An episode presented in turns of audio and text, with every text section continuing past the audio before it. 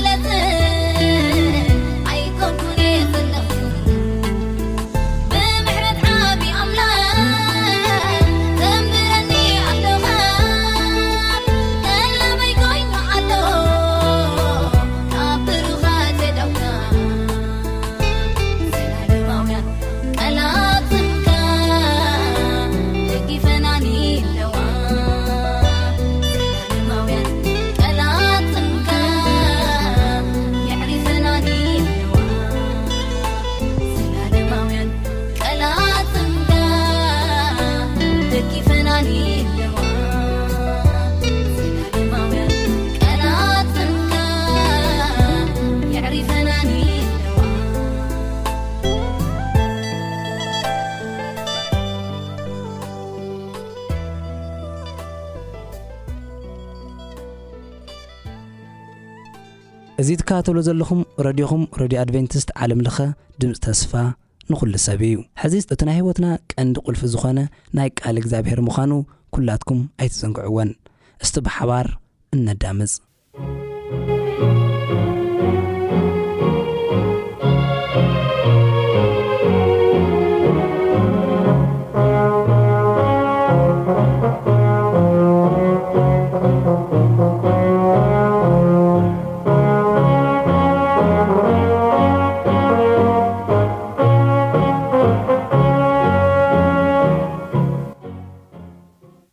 ሰላም ከመይ ዝጸንሑ ክቡራት ተኻታተልቲ መደብና ኣብ ናይ ሎሚ ድማ በቲ ሒዝናዮ ዘለና ኣብ ሉቃስ ምዕራፍ ሓደ እናረኣናዮ ዘለና ሓሳብ መቐጸልቱ ኢና ሒዝናልኩም ክንቀርብ ኢንፋክት ናይ መወዳእታ ክፋል ማለት እዩ ውልደት የሱስ ክርስቶስ ከመይ ነበረ ካብኡ እንመሃሮ ነጥብታት ከ እንታይ እዩ እምበር ኣብ ዝሓለፈ ናይ ዘካርያስን ናይ ኤልሳቤጥን ህይወት ከመይ ከም ዝነበረ ኣብ ዝሓለፈ ናይ ቃል ግዜና ርኢናዮ ኢና ሎሚ ናይ ማርያምን ናይ ዮሴፍን ህይወት ከመይ ከም ዝነበረን ከምኡውን ካብኡ ንመሃሮ ካብቲ ጥቕስታት ኣብኡ ዘሎ ንመሃሮ ትምህርቲ ኢና ክንርኢ ማለት እዩ ቅድሚ ምጅማርና ሕጽር ዝበለ ጸሎት ክንጽሊ ኢና ንጸሊ። እግዚኣብሔር ኣምላኽ ስለዚ ግዜን ሰዓትን ነመስግነካ ኣለና ሕጂ ድማ ቃልካ ከፊትና ኣብ ነጽንዓሉ እዋን ንስኻ ክተምህረናን ክትመርሓናን ንልምን ሰለፈ ግዜናን ሰዓትናን ንስኻ ባርኮ ብጎይታና መድሓናን የሱስ ክርስቶስ ስም ኣሜን። ብሳድሰይቲ ወርሒ ገብርኤል መልኣኽ ናብ ናዝሬት እትበሃል ዓዲ ገሊላ ናብ ሓንቲ ድንግል ካብ ኣምላኽ ተላእከ። ንሱ ንዮሴፍ ዝበሃል ሰብኣይ ካብ ቤት ዳዊት እተሓጽየት እያ እሞ፣ ስም እታ ድንግል እቲኣ ኸኣ ማርያም እዩ። እቲ መልኣኽ ከኣ ናብኣ ኣትዩ፣ ኣቲ ምልእቲ ጸጋ፣ እግዚኣብሄር ምሳኺ እዩ እሞ፣ ባህ ይበልኪ፣ ካብ ኣንስቲ ብርኽቲ ኢኺ፣ በላ። ንሳ ምስ ረኣየቶ በቲ ዘረብኡ ሰንበደት፣ እዚ ኸምዚ ዝበለ ሰላምታስ እንታይ ኰን ይኸውን? ኢላ ሓሰበት። እቲ መልኣኽ ከኣ በላ፣ ማርያም ኣብ ቅድሚ ኣምላኽ ጸጋ ረኺብኪ ኢኺ እሞ ኣይትፍርሂ። እንሆ ኽትጠንሲ፣ ወዲ እውን ክትወልዲ፣ ስሙ ኸኣ የሱስ ክትሰምይዮ ኢኺ። ንሱ ዓቢ ኪኸውን፣ ወዲ ልዑል ኪብሃል እዩ፣ እግዚኣብሄር ኣምላኽ ድማ ዝፋን ኣቦኡ ዳዊት ኪህቦ እዩ። ንሱ ዓበይቲ ያቆም ንዘልኣለም ክነግስ እዩ መንግስቲ ከኣ መወዳእታ የብላን። ማርያም ድማ ነቲ መልኣኽ እዚ ሰብኣይ ከይፈለጡስ ከመይ ኢሉ ክኸውን ይኽእል በለቶ። እቲ መልኣኽ ከኣ መሊሱ መንፈስ ቅዱስ ክወርደኪ ሓይሊ ልዑል እውን ከጽልለልኪ እዩ ስለዚኸ እቲ ዝውለድ ቅዱስ ወዲ ኣምላኽ ክበሃል እዩ። ኖይ ኤልሳቤታ ዘመድኪ እኳ ንኣምላኽ ዝሰኣኖ ነገር ስለ ዘየልቦ ኣብ እርግናኣ ጠኒሳ ኣላ እታ መኻን ትበሃል እዚ ወርሒ እዚ ሳልሳያ እዩ። ማርያም ከኣ እኔኹ ኣነ ባርያ እግዚኣብሄር ከምቲ ዘረባኻ ክኹነለይ በለት እቲ መልኣኽ ከኣ ካብኣ ሓለፈ።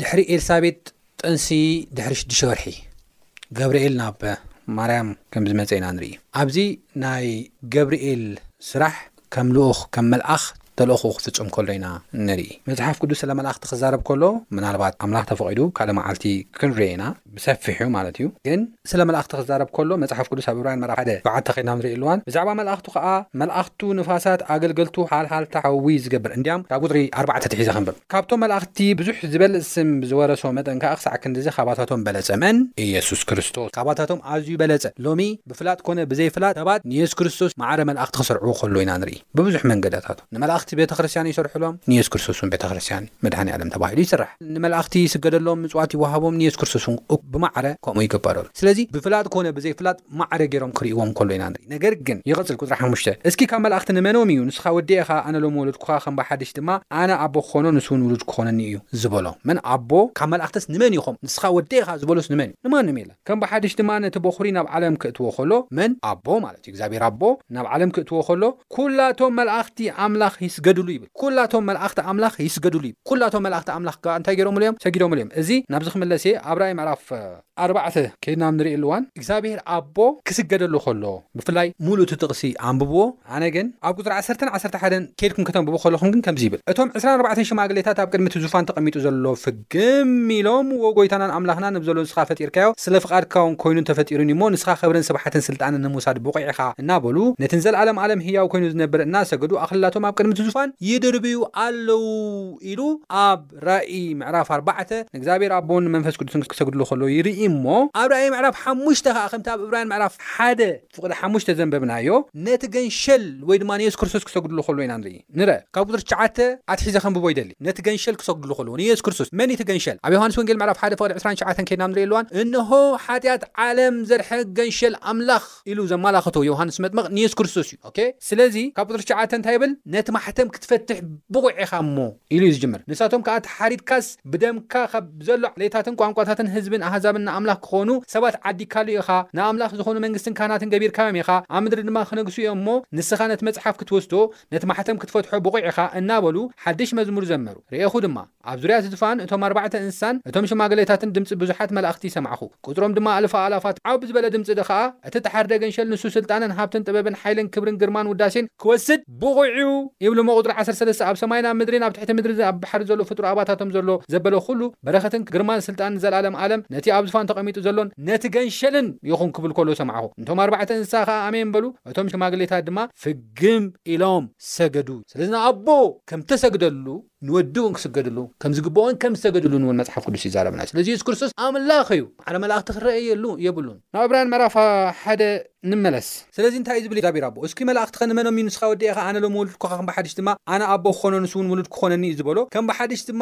ነቲ በዅሪ ናብ ዓለም ከእትዎ ከሎ፣ ነቲ በዅሪ ማለት ንየሱስ ክርስቶስ ናብ ዓለም ከእትዎ ከሎ፣ ኵላቶም መላእኽቲ ኣምላኽ እንታይ ይግበሩ? ይስገድሉ ይብል። ሰጊዶምሉ እውን እዮምኣብ ራእይ ምዕራፍ ሓሙሽተ ከይድና ኣብ ንርእየሉ እዋን ብዛዕባ መላእኽቲ ክዛረብ ከሎ። ብዛዕባ ገብርኤል ብዛዕባ ዝተፈላለዩ መልኣኽቲ ክዛረብ ከሎ መላእኽቱ ንፋሳት ኣገልገልቲ ሃልሃልታ ሓዊ ዝገብር ይብል ብዛዕባ ወዱ ግና ኣታ ኣምላኽ ይብል ኣምላኽ ኢኻ ክብሎ ከሎ ኢና ንርኢ ቀጺሉ ክዛረብ ከሎ ብዛዕባ መላእኽቲ እስክኻ መላእኽትኸ ንመን እም ንጸላእትኻ መርገጺ እግርኻ ክሳዕ ዝገብሮምሲ ኣብ የማነይ ተቐመጥ ዝበሎ ንማንም የለን ኩላቶም ድኣ ንኣገልገልቲ ንምድሓን ክወርሱ ዘለዎም ዝለኣኹ መናፍስቲ ዶ ኣይኮኑን ዝለኣኹ መናፍስቲ እዮም መልኣኽቲ ገብርኤል ዝለኣኽ መናፍስቲ እዩ ተላኢኹ ዘበሰረ መልኣኽ እዩ ልኡኽ እዩ ንጎይታናን መድሓኒናን የሱስ ክርስቶስ ዝሰግድ እዩ ስለዚ ኣብዚ ሓሳብ እዚ እንታይ ኢና ንርኢ ዝብል ሓሳብ ኬድና ክንርኢ ከለና መጺኡ ከበስር ከሎ ከምቲ ቅድም ኢለ ዘንበብክዎ ኣብ መእት ከምዘንበብክዎ ከበስር ከሎ ኢና እንርኢ ናብታ ተሓጽየት ድንግል ከምተላእኸ ንሳ ንዮሴፍ ዝበሃል ሰብኣይ ኣብ ቤት ዳዊት ተሓጽያ ከምዝነበረት እቲ መልኣኽ ድማ ናባኡ ኣትዩ ኣቲ ምልእቲ ጸጋ እግዚኣብሄር ምሳኺ እዩ እሞ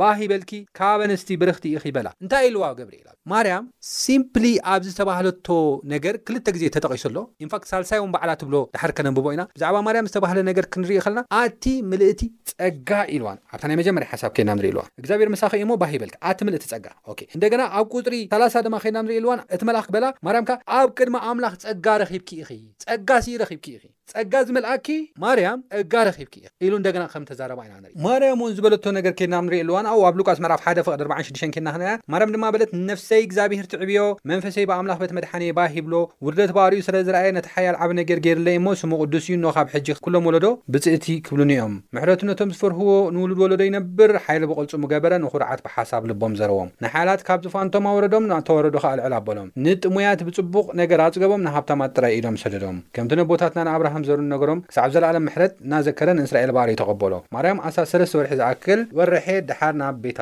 ተመልሰት። ስለዚ ኣብዚ ማርያም እውን እቲ ሳልሳይ ግዜ ትዛረቦ ዘላ ነገር ተሃለወ እንታይ እዩ እቲ ሓያል ዓቢ ነገር ገይሩለይ እዩ እሞ ስሙ ቅዱስ እዩ ክትብል ከላ ኢና ንርኢ። እቲ ሓያል ዓቢ ነገር ገይሩለይ እሞ ስሙ ቅዱስ እዩ ክትብል ከላ ኢና ስለዚ ኣብዘን ሰለስተ ሓሳባት ኬድና ንርኢ ኣሎና ምልእቲ ጸጋ ጸጋ ረኺብኪ ኢኺ እንደገና ማርያም ከኣ እቲ ሓያል ዓቢ ነገር ገይሩለይ ክትብል ከላ ካብ ካልእ ሰብ ብዝተፈለየ ጻድቅ ካብ ካልእ ሰብ ዝተፈለየ ተፈጥሮ ስለ ዘለዋ ኣይኮነስ ሰብ እያ ክጅምር ከሎ ሰብ እያ ቦና ደን ዘለዋ እያ ኣይሁዳዊት እያ ካልኣይ ከኣ መጽሓፍ ቅዱስ ክዛረበና ከሎ ጸጋ ካብ ኣምላኽ ዝተዋህባ ሰብ እያ ኢንፋክት ጸጋ ንኹሉ ታዋሂቡ እዩ ጸጋ ዝረኸበት እያ ናይ ምንታይ ጸጋ ዝረኸበት እያ ጸጋ ማለት ንዘይግባኦ ዝወሃብ ውህበት ማለት እዩ ሰባት ኩላትና ናይ እግዛብሄር ጸጋ ዝግበኣና ሰባት ኣይኮናን ኔርና ናይ እግዛብሄር ውህበት ዝግበኣና ኣይኮናን ኔርና ምኽንያቱ ኩሎም ሓጢኦም ክብሪ ኣምላኽ ውን ስኢኖም እዩ ዝዛረበና ከሎ ኩሎም ሓጢኦም ክብሪ ኣምላኽ ውን ስኢኖም ሮሜ ምዕራፍ ሰለስተ ፍቅዲ ዕስራን ሰለስተን ኬድና ክንሪኦ ኣለዋ። ስለዚ ጸጋ ዝብል ቃል ኣብ ከይድና ኣብ ንግንዘበሉ እዋን፣ ንዘይግበኦ ብምሕረት ኣምላኽ ዝወሃብ ውህብቶ ማለት ዓቢ ነገር ከም ተገብረላ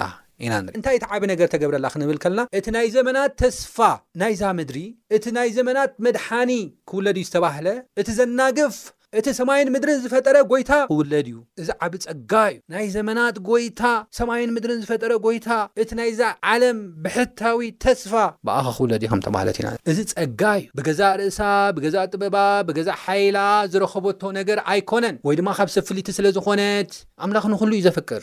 ስለ ዘፍቀረና እውን እዩ ሓደ ወዱ ሂብና። ኢንፋክት ኢየሱስ ክርስቶስ።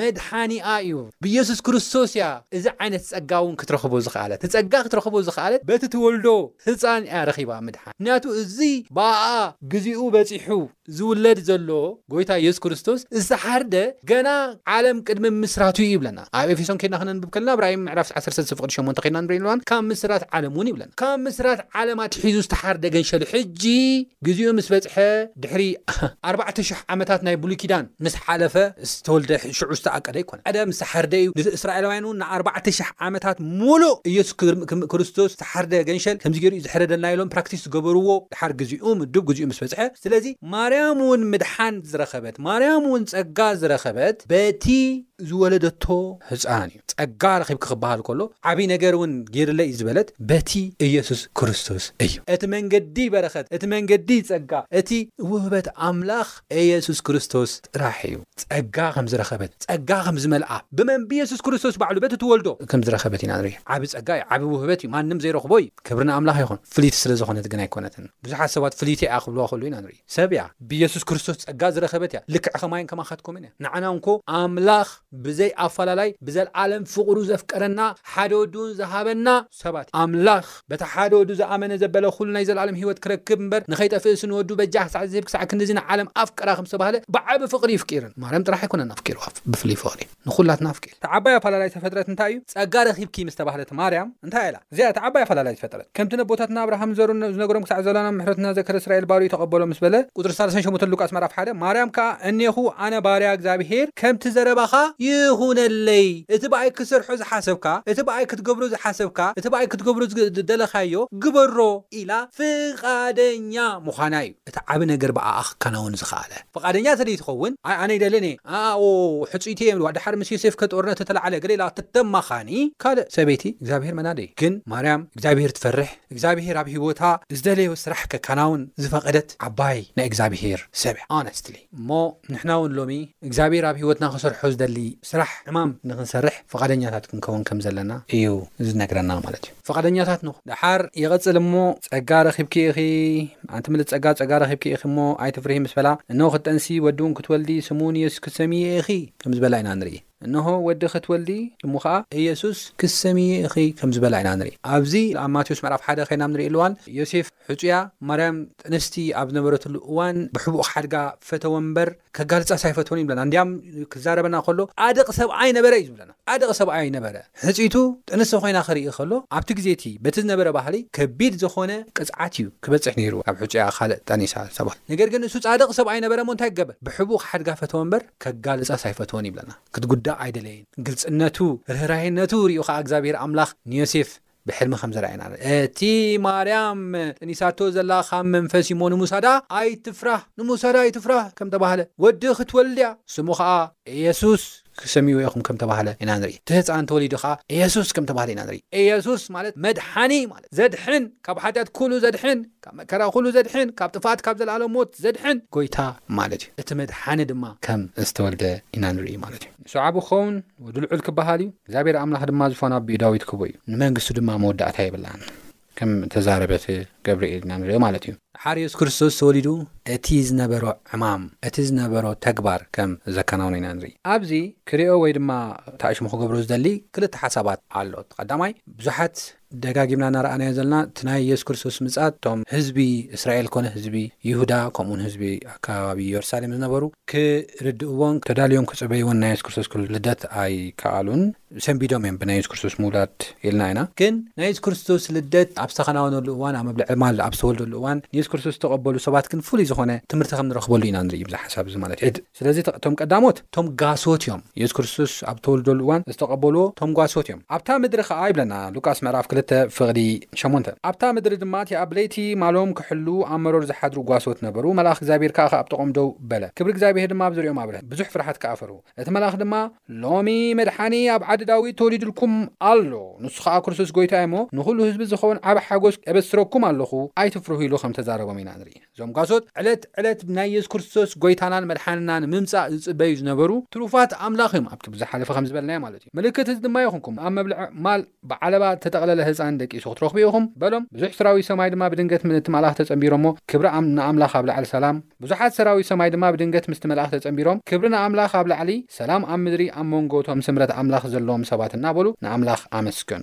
ስለዚ የሱስ ክርስቶስ ኣብዚ ዓለም ምውላዱ ንመልኣኽቲ ንቅዱሳን መላእኽቲ ነቶም ዘይወደቑ መላእኽቲ፣ ዓቢ ሓጎስን ዓቢ እልልታን እዩ ነይሩ ኢንፋክት ኣብ ምድሪ ግን ብዙሕ ደስታ ኣይነበረን ኣይተፈልጠን ጭራሽ ሪኮግናይዝ ዝገበርዎ ሰባት ዳርጋ የለን ነቶም ጽበይዎ ዝነበሩ ሰባት ግን ከም ዘበሰርዎም ምስኦም ክሕጎሱ ከም ዘበሰሮም ኢና ንርኢ ስለዚ ኮነ ድማ እቶም መላእክቲ ካባታቶም ናብ ሰማይ ምስ ደየቡ እቶም ጓሶት ነንሕድሕዶም እዚ እግዚኣብሄር ዝገለጸልና ክዉን ነገር ክንርኢ ንዑናይ ናብ ቤትልሄም ንኺድ ተባሃሃሉ ቀልጢፎም ከኣ ከዱ ንማርያምን ንዮሴፍን ነቲ ሕጻን ከኣ ኣብ መብልዒ መዓል ደቂሱ ረኸቡ እዚ ምስ ረኣዩ ብዛዕባ እቲ ሕጻን እተነግረሎም ነገር ኣውረዩ፣ ዝሰምዑ ዘበሉ ኵሎም ከኣ በቲ እቶም ጓሶት ዝነገርዎም ተገረሙ። ማርያም ግና ነዚ ነገር እዚ ኣብ ልባ ተዋህልሎ ትሓስቦን ነበረት፣ እቶም ጓሶት ድማ ከም እተባህለሎም በቲ ዝሰምዕዎን ዝረኣይዎን ኵሉ ንኣምላኽ እናኽበሩን እናወደሱን ተመልሱ ይብለና። ናይ እግዚኣብሄር ስራሕ ረኣዩ፣ ንኣምላኽ ኣኽበሩ፣ ንኣምላኽ ኣወደሱ፣ ነቲ ህጻን እውን ሰገዱ፣ ብዝገርም ነገር ንዅሉ ሰብ እውን ከም ዘካፈሉ ኢና ንርኢ። ካልኦት ኣብ ማቴዎስ ምዕራፍ ክልተ ከኣ ኬድና ኣብ ንርእየሉ እዋን ብጀካ እዚኦም ንጐይታናን መድሓንናን የሱስ ክርስቶስ ልደት ዝተቐበሉ ኳዕ ተወለድካ ኳዕ መጻኻ ዝበልዎ እውን ኣለዉ። ንሶም ድማ እቶም ሰብ ጥበብ እዮም። እቶም ሰብ ጥበብ ንሄሮዶስ ሓቲቶም ገለ ምስ መጹ ደሓር ኣብ ቤትልሄም ከም ዝኾኑ ምስ ፈለጡ ናብ ቤትልሄም ድማ ሰደዶም ኬድኩም ብዛዕባ እቲ ህጻን ኣርጊጽኩም መርምሩ ኢልዎም። ምስ ረኽብኩምዎ ከኣ ኣነ መጺኤ ክሰግደሉ ኣፍልጡኒ በሎም። ንሳቶም ከኣ ካብ ንጉስ ሰሚዖም ከዱ። እነሆ እቲ ኣብ ምብራቕ ዝረኣይዎ ኮኾብ ኣብ ልዕሊ እቲ ህጻን ዘለዋ ቦታ መጺኡ ደው ክሳዕ ዚብል መርሖም። እቲ ኮኾብ ምስ ረኣይዎ ኣዝዩ ብዙሕ ሓጎስ ተሓጎሱ ይብለና። ኣዝዩ ብዙሕ ሓጎስ ተሓጎሱ። ናብ ቤት ኣትዮም ከኣ ነቲ ህጻን ምስ ማርያም ኣዲኡ ረኣይዎ። ፍግ! ግም ኢሎም ውን ፍግም ኢሎም ድማ ሰገድሉ። ንመን? ንኢየሱስ ክርስቶስ። ንኢየሱስ ክርስቶስ ፍግም ኢሎም ሰገድሉ። ዮሴፍ ውን ነይሮም እኮ እዩ፣ ማርያም እኮ ነይራ እያ፣ ግን ፍግም ኢሎም ነቲ ህጻን ሰገድሉ ይብለና። ሳጹኖም ከፊቶም ድማ ወርቅን ዕጣን ከርበን ገጸ በረኸት ሃብዎ። ንመን? ንኢየሱስ ክርስቶስ። ወርቅን ዕጣንን ከርበን ንኢየሱስ ክርስቶስ ሃብዎ ይብለና መጽሓፍ ቅዱስ ክዛረበና ከሎ። ወርቂ ናይ ምታይ ምልክት እዩ ክንብል ከለና ወርቂ ንስኻ ንጉስና ኢኻ እናበሉ ክምነበሩ ኢና ንርኢ። ዕጣን ኴንና ኣብ ንርእየሉ እዋን፣ ንስኻ ካህንና ኢኻ፣ ኣብ ቅድሚ እግዚኣብሄር ስሌና እትረኣየልና ኻህን ኢኻ ኢሎም ከም ዝዀኑ ከም ዝሃቡ ኢና ንርኢ። ከርበ ኸኣ፣ ንስኻ ስለ ሓጢኣትና እትመውት፣ ብሞትካውን ህይወት እንረክብ ሰባት ኢና ኢሎም እቲ ከርበውን ከም ዝሃብዎ ኢና ንርኢ። ስለዚ ምስ ትርጉሙ ወርቂ፣ ዕጣን፣ ከርበ ከም ዝሃብዎ። ግም ኢሎም እውን ንየሱስ ክርስቶስ ከም ዝሰገድሉ ኢና ንርኢ ማለት እዩ። ስለዚ እዚ ዓቢ ትርጉም ዘለዎ ተግባር ገይሮም ድማ ከም ዝኸዱ ኢና ንርኢ ማለት እዩ። ስለዚ ናይ የሱስ ክርስቶስ ልደት ብዙሕ ሓጎስ ነቶም ጓሶት ኮነ ነቶም ሰብ ጥበብ ከም ዝሃቦም በዚ መልክዕ እዚ ድማ እግዚኣብሄር ንሳቶም ከምዚ ኢሎም ነቲ ህጻን ብምርኣዮም ብምሕጓሶም ንእግዚኣብሄር እውን ከም ዘኽበሩ እዩ መጽሓፍ ቅዱስ ዝዛረበና። እሞ ክቡራት ሰማዕትና ናይ መጀመርያ ውልደት ናይ የሱስ ክርስቶስ እዚ ይመስል። ካልኣይ የሱስ ክርስቶስ ክምለስ እዩ ተዳሊና ንጽበዮ ከም ፍቃዱ ንመላለስ። ብኽብሪ ክመጽእ እዩ ነቶም ዝተጸበይዎ ህይወት ክቦም ክባርኾም ካብ ሞት ካብ ጥፍኣት ከድሕኖም ክመጽእ እዩሞ ንሕና ካብቶም ዝድሕኑ ምእንቲ ክንከውን ናብኡ ክንቀርብ ተቃልኦ ክንሰምዕን ክንእዘዝን እግዚኣብሄር ጸግኡ የብዝሓልና ኣብ ዝቅጽል ብካልእ ክሳብ ንራኸብ ሰላም ኩኑ ጎይታ ይባርኽኩም።